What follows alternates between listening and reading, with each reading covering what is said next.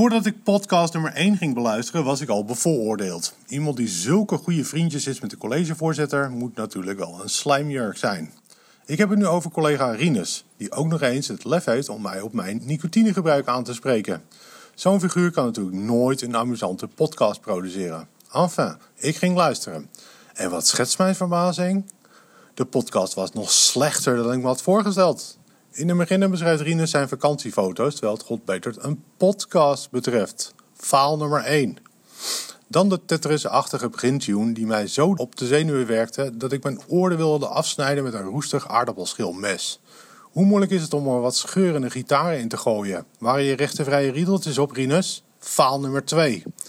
Ten slotte de onderwerpkeuze. Waar bleven die pedagogisch-didactische onderwerpen? Ik hoorde geleuter over vakanties, verveling en kevers. Geen bespreking van een open-ended leersituatie, activerende werkvormen of hoe je om moet gaan met studenten die worstelen met een nasty heroïneverslaving. Faal nummer 3. Ik haakte geagiteerd af bij minuut 8.55.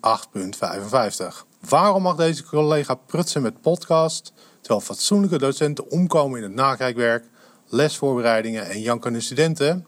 Dit is dus een dikke, vette faal, dames en heren, millennials en andere kleuters. Hoort u de kapitalen? Faal. Uh, nou, bedankt voor je feedback, uh, Okke. De betere docentenkamer.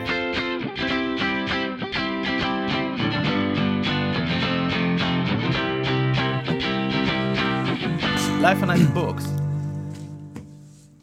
Ja, wat mij opvalt is dat de feedback vooral op jou gericht is. Oh ja. En dat het niet uh, zozeer over mij gaat. Dus dat, dat stemt me wel uh, enigszins uh, tevreden.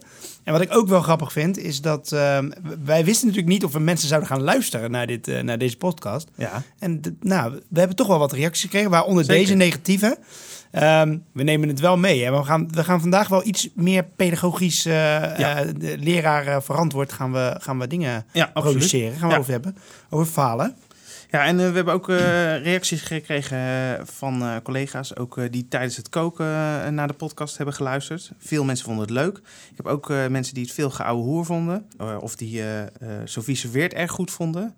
En we hebben ook iets gekregen. Ja, dat is wel heel grappig. Onze vorige uitzending ging natuurlijk over kevers. Het ging niet echt over kevers, maar we hebben het lang over kevers gehad. uh, wat ik wel grappig vond, is dat we... We hebben een, we hebben een kever van iemand gekregen. Ja. En niet maar, niet, geen gewone kever, maar een gouden ja, is die van goud, denk je? Nee, ik denk dat het... Nee, hij is niet van echt goud, maar hij is wel uh, goudkleurig. We zetten hem op de website. Ja, we gaan hem op de website. We gaan een foto gaan we op de website zetten. En we vonden, dat vinden we heel leuk. Dus een soort aanmoedigingsprijsje voor ons. Absoluut. Uh, en uh, nou, dat, dat heeft ons besloten om toch een aflevering 2 te gaan maken ja. van uh, onze podcast. Nou, we gaan gewoon door, toch? Maakt niet uit. Of, uh... Nee, dat maakt ook niet uit. We, okay. we, hebben er zelf ook best wel lol in. Hartstikke En uh, ja, goed, daarom gaan we gewoon ook gewoon verder met, met, het, met het maken van deze De Betere Docentenkamer podcast over lesgeven en alles wat daarbij hoort, wat erbij komt kijken. Um, ja, en vandaag is de aflevering gaat over falen. Het falen als docent. Vorige keer hebben we een oproepje gedaan aan mededocenten om in te sturen wat zij voor faalmomenten hebben gehad. En daar hebben we een aantal uh, inzendingen hebben we daarvan gekregen. Dus ja. dat, dat, dat heel leuk. heel leuk. Ik had een, uh, ook het oproepje gedeeld op uh, LinkedIn. Uh, en daar heeft ja, via via heeft Yvonne de Jong heeft daar op gereageerd. en daar werd heel veel op gereageerd. Dat ging ook over falen. en ik heb haar gevraagd of zij iets wilde schrijven voor onze podcast. En Bob, jij mag dat voorlezen. Uh, mijn naam is Yvonne de Jong en ik ben sinds dit schooljaar werkzaam als docent zorg en welzijn op het Melanchthon Wilgeplaslaan in Rotterdam. Inmiddels sta ik zeven jaar voor de klas en ik heb op verschillende VMBO- en VSO-scholen gewerkt. Vorige week heb ik een extreem dramatische les gehad met een van mijn klassen. Het is een derde klas basis voor jongens en aangezien het schooljaar nog niet zo lang aan de gang is, zijn ze nog steeds bezig met het bepalen van de pikorde. Tijdens mijn les liep het behoorlijk uit de hand. Ik zat met drie leerlingen op de gang te praten over hun gedrag en de rest van de klas brak de tent af. Er werden spullen gegooid, leerlingen liepen de gang op, een aantal zaten elkaar uit te schelden en te schreeuwen. Mijn collega's keken vanaf een afstandje toe vanuit de docentenwerkkamer en vroegen zich af of ze moesten ingrijpen. Twee collega's kwamen naar de klas, maar het had weinig effect. Ik had er zelf eigenlijk gewoon geen zin meer in. Ik dacht, ik zing dit blok eruit, volgende keer beter, en ben met vijf leerlingen die wel wilden uh, aan de slag gegaan. Wonderbaarlijk genoeg dacht de hele klas dat ze om vier uur gewoon vrij waren en naar huis mochten. Maar ik weigerde de bende van leerlingen op te ruimen. De boys waar het om ging, hebben het lokaal schoongemaakt en opgeruimd. Hun werk afgemaakt en een gesprekje met mij gehad over wat er was gebeurd. Hierna kwam ik de mentor van de betreffende klas tegen, maar door tijdgebrek, iedereen wilde na de les zo snel mogelijk naar huis, werd het een kort gesprekje. Zijn boodschap was: leerlingen geen twee keer waarschuwen, dan moet je, maar eer, dan moet je eerst 30 keer waarschuwen voordat je iets normaals kunt doen en wegsturen bij wangedrag. Dat wist ik eigenlijk ook wel, maar blijkbaar was het net het setje wat ik even nodig had om lekker voor die klas te kunnen staan. Dit is namelijk mijn eerste schooljaar hier, dus voor mij is het nog even zoeken uh, wat wel en niet kan hier. Het volgende uh, blokuur met dezelfde klas was een superleuke les met interessante gesprekken waarbij de leerlingen vrijwillig langer bleven zitten om hun werk af te maken. Mooi verhaal. Maak jij dat soort dingen ook mee? Zeg maar in. Uh, nee, zo heftig niet. Zo heftig niet. Ik denk dat het ook wel scheelt. Op, op een HBO heb je denk ik toch ja, wat serieuzer publiek, denk ik. Mm -hmm. meer volwassen mensen. Dus ik heb dat soort faalmomenten heb ik niet echt. Ik heb wel, ja, ik geef Photoshop lessen, dus ik heb heel vaak dat de apparatuur het niet doet of dat er iets uitvalt. En wat ik zelf altijd als falen ervaar is dat ik, ik ben heel slecht in namen. Ik kan bijna geen enkele naam uh, onthouden. Amper, ja. Ik kan amper mijn eigen naam onthouden. En ik heb echt ook dat ik vaak een student niet herken als ik die ergens anders tegenkom dan in de klas. Oh, dus, dus in de kantine of, of in de stad of zo, dat ze je dan gedag zeggen? Ja, en dan weet ik echt helemaal niet... nou, ik heb dat wel eens als ik buiten loop. En vooral aan het begin van het, van het schooljaar, als je dan een hele nieuwe groep met, met mensen krijgt... Um, ja, dan, dan kennen ze jou natuurlijk wel, omdat ze één keer gezien hebben. En dan ga ik mezelf voorstellen en vertellen wat we doen dit jaar en dat soort dingen. En dan heb je er wel eens in het weekend, dan zitten gewoon wat jongere mensen zitten hier dan aan te kijken in, in, in het openbaar vervoer. Of uh, gewoon als ik aan het winkelen ben of zo, met mijn vrouw. En dan heb ik altijd neiging om dan iedereen maar gedachten te zeggen. Omdat ze dan anders, uh, omdat ik denk, ja, het zouden wel studenten kunnen zijn die, waar ik van de week echt een grapje tegen gemaakt heb. En dat ik deed alsof ik die naam wist. Maar dat ik dat dan gewoon helemaal niet meer weet. Dus dat, dat, dat herken ik wel. Heb jij voor mij tips hoe ik namen kan onthouden? Heb je daar nou, ja, trucjes voor? Ja, ik, heb, ik doe alliteratie gebruik ik daarvoor. Dus als iemand uh, Romy heet of zo. En die heeft bijvoorbeeld een rond hoofd. Dan, noem ik die, dan is dat een ronde Romy voor mij. Of zo. Weet je, zoiets. Um, of... Ben ik een ronde Rinus voor jou? Of? Nou, nee, maar de, ja, eigenlijk wel. Ja, dus ik, ik, ik doe dat is de Suske en Wiske tactiek, noem ik dat, zeg maar. Oké, okay. uh, ik heb uh, vier klas. Heb je dan... Dan moet ik, uh, ja, dan moet je 120, moet je 100 bijnamen ja, onthouden. Ja. Ja, en sommige onthoud je. Ik, jongens onthoud ik altijd sneller dan meisjes, want ik vind okay. meisjes vaak op elkaar lijken ook allemaal. Ja. Um, en de jongens zijn op een, ander, op een gegeven moment toch wel anders. Um, en als iemand zeg maar anders uitziet dan uh, bijvoorbeeld een meisje. We hebben, ik, ik geef nu meer les aan meisjes. Uh, als dan net even iets anders, als heel veel krullen heeft of zo, dan, dan onthoud ik dat ook sneller. Of ja. Nee, ik, het is ook niet dat ik, ik houd, onthoud studenten wel, zeg maar als ik in de klas kijk, dan weet ik wel wat iemand zijn vooropleiding is of waar iemand woont of waar iemand vandaan komt, zeg maar. Maar geen dat naam. Meestal wel. Namen ben ik echt heel slecht in. Ja. Nou ja, ik heb natuurlijk ik heb heel lang op het MBO gewerkt. En uh, om even terug te komen op het voorval van Yvonne. Uh, ik herken dat wel. Dat je wel eens zo'n klas hebt dat je gewoon denkt van ja, dit loopt gewoon niet. Omdat het gewoon. En dat hoeft niet per se altijd te maken hebben met jou als falen als capaciteit. Maar dat, dat tenminste, dat hou ik mezelf altijd voor. Maar dat kan ook gewoon even met het tijdstip van de week te maken hebben of zo. Ja. Weet je, als je op vrijdagmiddag om een les van vier tot zes hebt, Ja. dan, dan, dan kan het gewoon wel eens gewoon helemaal verkeerd lopen. Ja. Of als het buiten sneeuwt of eh, als er iets gebeurt. Weet je, dus dan, ja, ik wijd dat ook niet altijd aan mezelf. Ehm, en ik herken ook wel wat Yvonne zei van dat je er heel. Ik word daar altijd heel gelaten van. Dat ik denk van, weet je, eh, bekijk het allemaal maar. Als je geen zin hebt, dan, eh, weet, dan ga ik wel aan de slag met de mensen die dat wel leuk vinden, wat ik vertel. Of ze het wel interessant vinden. Ah, ja. Dus dat, ja, dan word ik daar gelaten van. Denk van, ja, eh boeit mij het. Weet je, dat, dat, dat heb ik wel. Maar ik probeer wel voor de volgende keer daar dan wel over te praten met die klas. Van joh, eh, weet je, vorige, vorige keer ging het niet lekker. Je moet niet mijn dag komen verpesten. Weet je, dat is altijd een beetje mijn stokpaardje. Van eh, Oké. jongens, kom mijn dag niet verpesten. Ga gewoon, eh, als je geen zin hebt, ga lekker naar de kantine, kroketje eten. Dat, dat, dat zeg ik altijd. En dan moeten ze dan om lachen. En dat breekt dan ook wel weer het ijs. Ja, ja, ja. Ja, Ja, wat, wat ik ook wel als een beetje als falen ervaar is. ja, ik geef natuurlijk heel veel praktijkvakken, zeg maar. Dus doelvakken. hè. Mhm. Dus mensen zijn beeldend bezig. En wat ik eh, altijd heel erg fijn vind, is als, als studenten met de opdracht aan de haal gaan. Dus dat ze zelf eh, dingen gaan doen met de opdracht. Hè? Dus Ja. ik geef ze een, een klein beetje instructie. En daarna eh, gaan ze zelf helemaal los. Dat vind ik het allerfijnste. En ik, vind het, ik ervaar het echt als falen als studenten dan echt hele, als ik ze heb, niet heb kunnen raken. Dus als ze helemaal niet geïnspireerd zijn of helemaal de opdracht niet leuk vinden. Of, dat, dat vind ik altijd heel moeilijk. Maar ligt het dan altijd aan jou? Of eh, dat kan natuurlijk ook, dat kan hetzelfde zijn. Dat kan hetzelfde effect hebben. Het kan natuurlijk vrijdag eh, aan liggen dat het donderdagochtend eh, half negen is. Ja. En, en ze gewoon gisteravond laat naar bed zijn gegaan. Of dat het vrijdagmiddag drie uur is en dat ze gewoon met hun hoofd in het weekend zitten. Nee, ik, ik loop er ook niet heel lang mee rond. Maar ik, ik vind dat jammer. Ja. En wat ik ook trouwens Ja. vervelend vind, is Ja. dat als ehm, dat, dat studenten gewoon dat je merkt dat ze ook gewoon bij de les er niet bij zijn of zo. Dus het zijn dan wel aanwezig. Ja. En dan zet je ze ook op, op aanwezig, eh, leerlingen. Maar ja, eh, dat ze dan wel andere dingen zitten doen, tekeningetjes te maken of, of eh, met hun telefoon.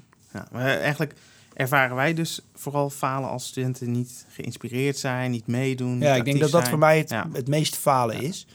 Ehm, ik heb nog nooit gehad dat, dat ik eh, ja, gillend eh, eh, dat een soort, dat een soort beestenboel werd of zo. Ik was een vechtpartij ook in de klas gehad. Ah ja? Een paar keer wel, ja. Ja, ik heb op techniek college gewerkt, waar jongens gewoon van een jaar of eh 16, zeg maar. Ja, dat, wat, dat, wat Yvonne ook al zei, dat Ja. haantjesgedrag. Ja. Ja, dat is bij mij wel eens uitgemond in een vechtpartij, waar je dan echt ook tussen moet springen. Dus dat is wel een... Ah ja? ja, dat, Maar jij, jij bent een vechter. Nee, ik ben, ik ben geen vechter. Ik, ja, ik, ik, heb, ik, ik box al wat tijd. Dat is meer voor de conditie. Dus eh, niet voor de, niet voor de, voor de skills, zeg maar. Ja. Ehm, maar dat helpt mij wel. Weet je, dat je, wel je, ik heb al klappen ontvangen, zeg maar, wel met bokshandschoenen weliswaar. Maar eh, van studenten ook? Of Nee, Ah, niet van oké. studenten. Nou, wij hebben in het, eh, in het verleden heb ik wel eens eh, zo'n boxclinic met studenten Ah, gedaan. ja. Dus dat vind ik dan wel grappig om te doen. Dan weten ze helemaal niet wat je kan. En dan schijn je dat al 15 of 20 jaar te doen. En dat vinden ze dan, eh, ja, dat vinden ze dan ineens gek. Dat eh, ja. Sophie serveert verhalen uit de klas. Vandaag hebben we het over falen. We horen verhalen van studenten over falen in het onderwijs. En we spreken met iemand die heel goed en heel vrolijk kan falen. Tenminste. Ik ben René Akkermans en ik zit al heel lang in het onderwijs. En onderwijs is mijn lust en mijn leven. Dat vind ik echt geweldig om te doen. Ik, wat ik mijn studenten altijd adviseer is om vooral te falen. En dan onder het motto van dit is een school, dus je zit hier om te leren. Niet omdat je alles al kan. En dat is ook niet erg. Nou ja, ik zeg dat niet met zoveel woorden, faal. Maar er, eh, want daar zit nogal een druk op. Ook bij de studenten. Om niet te falen. Er gebeurt heel veel. Ze moeten op heel veel sporen tegelijk werken. Oh, en dan is woensdag die toets. Als ik het maar haal. En dan, dan heb ik ook wel eens de neiging om dan te zeggen... ja, en als je het nou niet haalt, wat dan? Ja, maar dat is echt heel erg. Oké, hoezo dan? Ja, maar dat kan echt niet. Ja, want? Ja, maar dat is echt heel erg. Nou, en dan kunnen we het gesprek hebben over van hoe zwaar maak je dingen... en er is nog een herkansing. En sta je zelf ook toe om, om het uit te zoeken. En om, ehm, om in die zin te falen. En dan maak je even het eh, quote versus quote, of hoe heet het eh dinggebaar. Dat. Ik zat in mijn eh, derde jaar van International Business Management aan de Hogeschool Utrecht. En het was tentamenweek. We kregen een eerstejaars tentamen voor ons van marketing. En we hadden natuurlijk niks ervan gezegd, want dan is het logisch dat we die zouden halen. Uiteindelijk, eh, ik, ik- wij waren allemaal blij, want we hadden een eerstejaars tentamen en we hadden hem allemaal gemaakt. Toen de resultaten kwamen, had ik een 1,8 voor een eerstejaars tentamen in mijn derde jaar. Dus dat eh, had me wel even verteld dat ik niet zo goed bezig was als ik dacht. Ehm, ze zeggen altijd dat de tips die je aan een ander geeft, dat die eigenlijk voor jezelf zijn. En dat is in dit geval natuurlijk ook zo. Ik ben natuurlijk ook iemand die het liefst alles eh, in één keer goed doet. Alhoewel ik wel geleerd heb in de loop der jaren om dat eh, los te laten. En dat levert me heel veel op. Maar dat is ook door schade en schande. Heb je ook ehm, plezier in het falen? Nou, nou, achteraf misschien. achteraf wel, dan kan ik het wel plaatsen. Op het moment zelf niet. Op het moment wil ik het natuurlijk allemaal zo goed mogelijk doen. Als ik, als ik niet in contact kan komen met de student, vind ik dat falen. Dat vind ik echt falen. Herkennen studenten dat bij hun docenten? Laten we luisteren naar twee voorbeelden. First, uh, he failed me with a 5.2, uh, saying that the report is not meeting the criteria.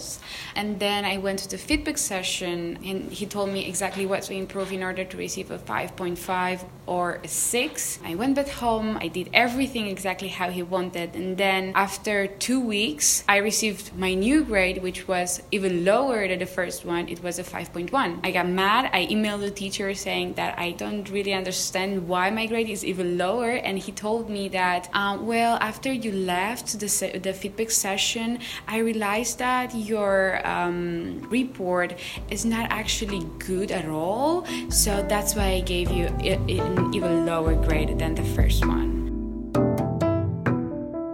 De lessen die wij daarvoor van die docent hebben gehad, die waren inhoudelijk gewoon niet zo goed. Of het was gewoon PowerPoints aflezen en verder ging hij er dus niet eh, inhoudelijk op in. Of eh, voorbeelden geven, vragen stellen. Maar het was echt PowerPoint aflezen en dat was het. Dus als leerling denk ik van ja, verspil de tijd, want dat kan ik thuis ook wel. Maar wat kunnen we als docenten in zo'n situatie dan beter doen? Eh, toen ik op de middelbare schoolles gaf, dat was een van mijn eerste jaren, dat ik HAVO 4. Ik vond HAVO 4 altijd geweldig. Dat vond ik echt superleuk. Dat waren, dat waren mensen van vlees en bloed. Zo moet ik het maar. Dat daar kwam iets uit. Weet je, dat vond ik altijd superleuk. En dat was soms ook kritisch. En soms van, oh, ik heb, heb geen zin of wat dan ook. Maar dat vond ik helemaal niet erg, want dat hoorde er allemaal bij. En ik kan me Sanne nog heel goed herinneren.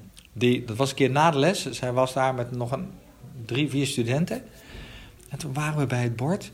En toen, en toen heeft ze me echt iets geleerd. Dat vond ik wel heel mooi. Wat ik vroeger misschien nog daarvoor als falen zou hebben gezien. Van ja, maar meneer, wat we hier zeggen, dat gaat niet over u. Dat gaat over de les. Dus wat zij toen op die leeftijd al kon, dat was heel mooi. was namelijk het persoonlijke eraf halen. En dat heeft mij heel erg geleerd en gevormd in hoe ik als docent eh, aan het werk ben. Op het moment dat je die persoonlijke component eraf kan halen, kun je het hebben over waar het over gaat. Of, of dat dingen onduidelijk uitgelegd zijn, of dat dingen niet helder zijn, of wat dan ook. Of dat ik het niet behandeld heb. Of, eh, maar dat is niet persoonlijk. En dat was voor mij de trigger van: het gaat niet om het. eh, het is niet persoonlijk wat mensen zeggen. Op het moment dat je het persoonlijk gaat maken, dan wordt het ingewikkeld. Ik heb het idee dat docenten het moeilijk vinden om te falen. Eh, als je dit zegt, denk ik, zou het daarmee te maken Ja. hebben? Daar heeft het heel veel mee te maken. Mensen voelen zich verantwoordelijk ook. Daar heeft het ook mee te maken. En, en dan ga je heel snel. En op het moment dat je jezelf aangesproken voelt, dan kom je in een soort machtspositie. En een machtsspel met de student. Dat is altijd fout. Nooit doen. Daar gaat het helemaal niet over. Wat ik leuk vind aan deze reportage is dat ze ook studenten heeft gevraagd om antwoord te geven op wat falen voor hen betekent. Super. Hey, heb, je, heb je ook nog in het eh, dagelijks leven dat je wel eens faalt? Of dat je faalmomenten hebt? Ja, maar die heeft iedereen. Die heb jij ook, of niet? Ja, ik, ik zeker. Ja? Ik, ik eh, faal behoorlijk veel. Ja? Ja. Maar ik doe ook heel veel dingen die ik eh, niet zo goed eh, kan. Ja, zoals? Nou, op maandagavond voetbal ik met, de, met een groep man- mannen van mijn leeftijd. Maar je kan niet voetballen. Ik kan absoluut niet voetballen. Ik heb echt weinig talent om te voetballen. Ik ben, ik ben niet snel. Ik heb een draaicirkel van een olietanker. Ja.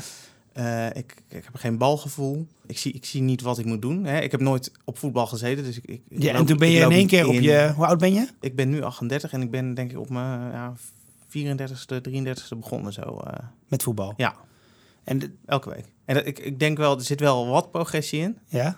Maar ik merk wel, ik ben, ik ben er echt slecht in. Maar heb- is het dan ook zo dat als jij komt, zeg maar, dat, dat de rest van de... Oh, daar is die weer? Zeg maar dat? Nee, dat, dat valt wel mee. Je dat, wel dat heb ik nooit, eh, nooit zo ervaren. Ja. Nee. Ik ben ook in de derde helft, eh, daar zit ook eh, mijn kracht. Ja, daar, ben je- daar heb je talent voor. Ja, absoluut. Ja. Oké. Ik- Ik zit ook bij de padvinders, hè? dat heb ik wel eens aan je verteld. Daar organiseren we avonden voor elkaar, voor de leiding, zeg maar. Eén keer in de maand. En wat ik eh, nu ga doen is een pubquiz. Ja. En daar ga ik ook zelf gitaar spelen. Alleen, ik, ik beheers dat niet. Ik kan niet zo goed eh, gitaar spelen. En ik, ik heb wel, eh, ik heb mezelf een beetje geleerd. Dus Ja. ik heb een keer een gitaar gekocht. En dat, ik oefen wel. Mijn vrouw ergert zich daar ook wel eens aan. Ja. En ehm, nou ja, ik ga daar wel een optreden geven, soort van. Maar ik, ik had dan bedacht, dan moeten ze raden welk liedje ik speel. Dus als ik het heel erg slecht doe, dan valt het wel mee. Ja. Maar ik vind dat wel eh, goed om dingen te blijven proberen die je niet kunt. ja, om jezelf uit te dagen. Ja, Ja, Ja. ja. dat snap ik wel. Ja. Ik heb dus afgelopen zondag, ik weet niet of je dat ziet aan mijn, uh, hoe ik binnenkwam, maar ik heb dus afgelopen zondag een marathon gelopen. je, je kwam binnen strompelen en zuchten. Ik heb afgelopen zondag een marathon gelopen in Keulen. Ja, En eh, ja, Hoeveel kilometer is dat? 42. 42. 42,2. Ik moet ook eerlijk zeggen, halverwege had ik ook wel het idee van... ik kan dit eigenlijk ook niet zo goed. Ja. Ehm, ik heb het wel vaker gedaan. Ik heb wel vaker een marathon gelopen. Maar dit was wel echt... Ik had niet zo heel goed getraind dit keer. Ja. En ik wilde eigenlijk na 24 kilometer eruit stappen. Ehm, Oké. Maar dat voelde voor mij te veel als falen. En bovendien, mijn broer was er ook. Want die woont daar in de buurt. En die eh, had een vouwfiets meegenomen. En die zegt van, nou, ik ga het laatste stukje... eh, dus het laatste stukje van 24 tot eh 42... ga ik dan wel met je mee fietsen. En toen dacht ik, nou, weet je wat? Dan maak ik hem wel af ook. En? Nou ja, ik heb hem uitgelopen. Maar dat is niet eh, zonder slag of stoot gegaan. Ik heb eh, zeven keer gekotst. Eh, ik heb ja, echt gewoon stukken gewandeld. Eh, ja, en het laatste stukje heb ik wel een sprint getrokken. Eh, Waarom? Nou, omdat ik dan toch wel zeg maar een soort van de vinden. Want daar was het weer druk. Zeg maar. Er waren heel veel mensen. Dus wil je toch een soort van doen alsof je heel goed nog dat kan. Ehm, en dan toch niet laten zien dat je faalt of zo. Ik, ik denk dat ik daar wat minder goed in ben dan jij. jij. Jij kan dat heel goed dan misschien toegeven dat je kan falen. Ik zou het ook echt niet kunnen. Nou, maar met het voetbal en met het eh, gitaarspelen, jij kan er dan heel erg om lachen. Oh, ja, en ik, ja. ik baal daar dan van. Want, anders, Ja, want ja. als ik op 24 kilometer had uitgestapt, dan had ik daar, denk ik, maandag echt wel spijt van gehad. Zeg maar. Ja, ja,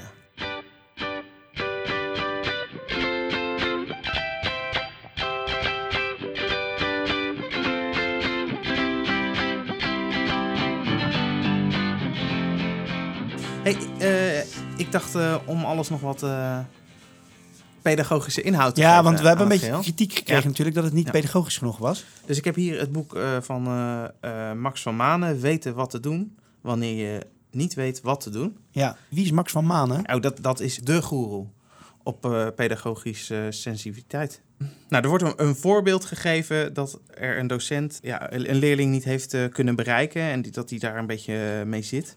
En daar schrijft Max van het volgende over. Anders dan in het voorbeeld hierboven zijn er nogal wat leraren die afstandelijk, formeel, gesloten, onpersoonlijk en technocratisch zijn. Ze verlaten zich op bewezen controlemechanismen en vallen terug op de lessen die je letterlijk moet reproduceren en op veelvuldig toetsen. Dergelijke leraren zijn vaak niet gevoelig voor het onvoorziene, wispelturige, toevallige karakter van het pedagogische moment. Ze hebben het idee dat ze er zijn om de stof te behandelen, waarbij ze van uitgaan dat van alles wat de leraar overbrengt ook binnenkomt bij de leerling. Dit zijn leraren die orde in de klas vaak bewaren op basis van vier disciplinaire angsten.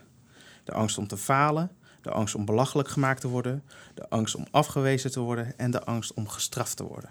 Een lerares legde me uit dat veel van het onderwijs lijkt op vechten, tussen aanhalingstekens, met je kinderen.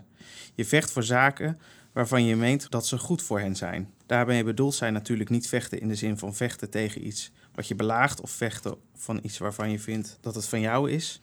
Vechten met je kinderen thuis of op school betekent dat je bezig bent met aansporen, inspireren, een weerwoord geven, negeren, opzwepen, onderhandelen, opdragen, ondersteunen, grappen maken, in het strijdperk treden, aanmoedigen, overhalen, bezielen, durven, sparren, duwen, pleiten, je terugtrekken, overtuigen en soms gewoon je van de domme houden. Dat doe je thuis als je bijvoorbeeld wilt dat een kind zijn muziekles oefent of zijn kamer opruimt. En op school, wanneer je erop staat dat kinderen met aandacht hun werk doen of dat ze voor zichzelf leren nadenken. In het algemeen als je kinderen in een positieve richting probeert te bewegen. Ja, ik vind dat we nu best wel eh, pedagogiek eh, eh, even goed erin gestopt hebben in, het, in, in onze podcast. Ehm, maar is dat zo? Heb je dat, heb je dat dat je bang bent? Even, pak er eentje uit, hè? Ja, ja. Die- bij mij blijft. Ben je bang om belachelijk gemaakt te worden? Nee, nee, volgens mij wat, wat hier bedoeld wordt, is dat als je als, eh, als docent kun je, is het vaak eh, trekken en, en je probeert die eh, Mhm. studenten mee te krijgen en te inspireren. Je kunt ook zeggen, nou, ik ga gewoon vertellen wat de studenten moeten weten. Dat draai ik af. En als ze niet luisteren, ja, dat is hun probleem. Ja. En dan, dan is dat wat het is. Je straft ze als ze het niet goed doen of je negeert ze. ja. Maar wat je probeert, en dat is volgens mij ja, waar, ook dat falen van vandaan komt als docent. En je kunt natuurlijk altijd terug naar je basis gaan. Dus je kan altijd gewoon inderdaad wat je les afdraaien. Wat ik een beetje deed, dat je gelaten van bent. En wat Yvonne deed. Van nou, we gaan gewoon dan maar terug naar in ieder geval de basis. Ja. Ik vertel gewoon wat ik moet doen met de mensen die het wel willen. En, eh, maar Nou ja, idealiter ga je natuurlijk gewoon met de hele klas een gezellige les ervan maken. En, Nee, maar wat jij zei, is dat je er dan later wel op terugkomt. En Ja. dan wel eh, zegt, hè, probeer mijn dag eh, niet te verpesten. Of wat zei je nou? Iets, Ja, iets met ja. kroketten. Ja. Dus volgens mij is dat, dat heel goed, hè? dat je, je blijft het proberen. En volgens mij is dat de kern van een, een, eh, een goede docent zijn. Nou, we zijn een beetje door de uitzending heen. Ja. Volgende keer, eh, want we gaan gewoon verder met deze podcast. Ja, ja. Eh, want we merken dat mensen het toch wel leuk vinden. Ja, en wij zelf ook, hè? En wij vinden het zelf ook leuk om te doen. leuk. Ja. Eh, de volgende keer gaan we het hebben over... Nou, we hebben bedacht, omdat Sinterklaas er een beetje aankomt... Ja. dat het leuk zou zijn om het over cadeautjes te hebben. Goeie. En cadeautjes dan in de breedste zin van het woord natuurlijk. Daar kunnen we heel veel aan vastplakken. Ja, en we, ik heb ook een, een vraag voor alle luisteraars. Welk talent van een collega zou jij in je schoen willen krijgen? Ja. Eh, dus die kun je weer inzenden naar, eh, naar ons. Ja, en dat is info at debeteredocentenkamer.nl. Welk talent van een collega zou jij in je schoen willen krijgen? Ehm, oh, en dan heb ik nog iets. Stel dat mensen dit ehm, hebben geluisterd, eh, misschien voor het eerst. En die willen ook nog een faalmoment delen, dan kan dat ook nog steeds. Want dat vinden we wel een leuk Ja. verhaal om, die we dan kunnen delen. En die kunnen we dan ook als docenten met elkaar delen. Daar kun je natuurlijk ook van leren. Ja, het is ook echt goed om dat te delen. Hè? Ja. Dat, eh, het is, tenminste, ik vond dat eh, het is heel herkenbaar en het, is, eh, het helpt je ook in de klas, vind ik. Ja, tot de volgende keer. Bedankt voor het luisteren.